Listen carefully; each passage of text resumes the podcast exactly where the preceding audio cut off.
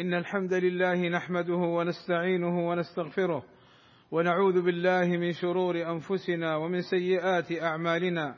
من يهده الله فلا مضل له ومن يضلل فلا هادي له. وأشهد أن لا إله إلا الله وحده لا شريك له.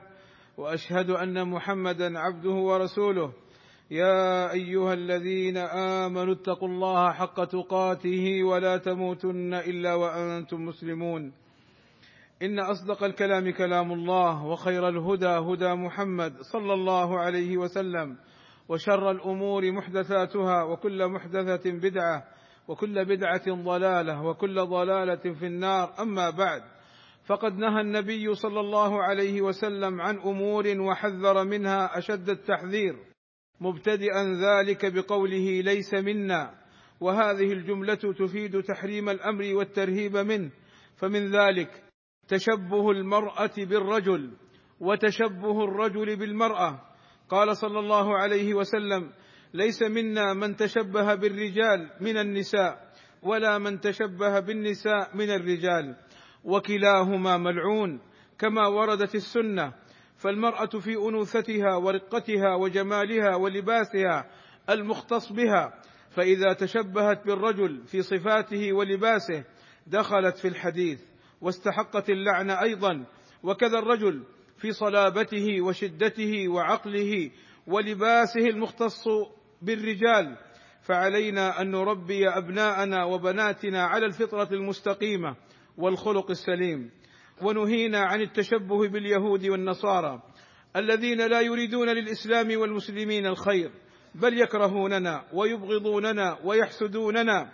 فأي خير في تقليدهم والتشبه بهم وهم قد قتلوا أنبياءهم وحرفوا دينهم. قال صلى الله عليه وسلم ليس منا من تشبه بغيرنا. لا تشبهوا باليهود ولا بالنصارى. وفقنا الله جميعا لما يحبه ويرضاه. وغفر الله لنا الذنوب والآثام. إنه سميع قريب مجيب الدعاء. الحمد لله رب العالمين. والصلاة والسلام على المبعوث رحمة للعالمين. وعلى آله وصحبه أجمعين عباد الله. لا يجوز إفساد المرأة على زوجها. قال صلى الله عليه وسلم ليس منا من خبب امرأة على زوجها. خبب أي أفسدها. ويدخل في الحديث كل من يقول للزوجة نكدي عليه حياته أو لا تسمعي كلامه أو طالبيه بالمال الكثير أو لا تسكتي عن حقك أو أنت مثله سواء لا فرق بينكما أو لا تصبري عليه أو خالعيه أو اطلب الطلاق وغير ذلك من الألفاظ المؤدية للخلاف والشقاق بين الزوجين سواء كان من أهلها الوالدان والإخوة والأخوات والأقرباء أو الصديقات.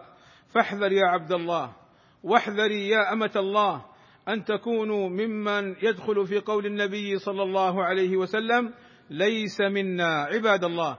إن الله وملائكته يصلون على النبي. يا أيها الذين آمنوا صلوا عليه وسلموا تسليما.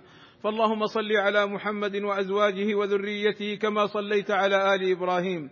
وبارك على محمد وأزواجه وذريته كما باركت على آل إبراهيم. إنك حميد مجيد. وارض اللهم عن الخلفاء الراشدين أبي بكر وعمر وعثمان وعلي وعن جميع أصحاب النبي صلى الله عليه وسلم. والتابعين لهم بإحسان وعنا معهم بمنك وكرمك. اللهم آتنا في الدنيا حسنة وفي الآخرة حسنة وقنا عذاب النار. اللهم اغفر للمسلمين والمسلمات والمؤمنين والمؤمنات الأحياء منهم والأموات. اللهم فرج همومنا واكشف كروبنا ويسر أمورنا. والصلاة والسلام على المبعوث رحمة للعالمين. والحمد لله رب العالمين.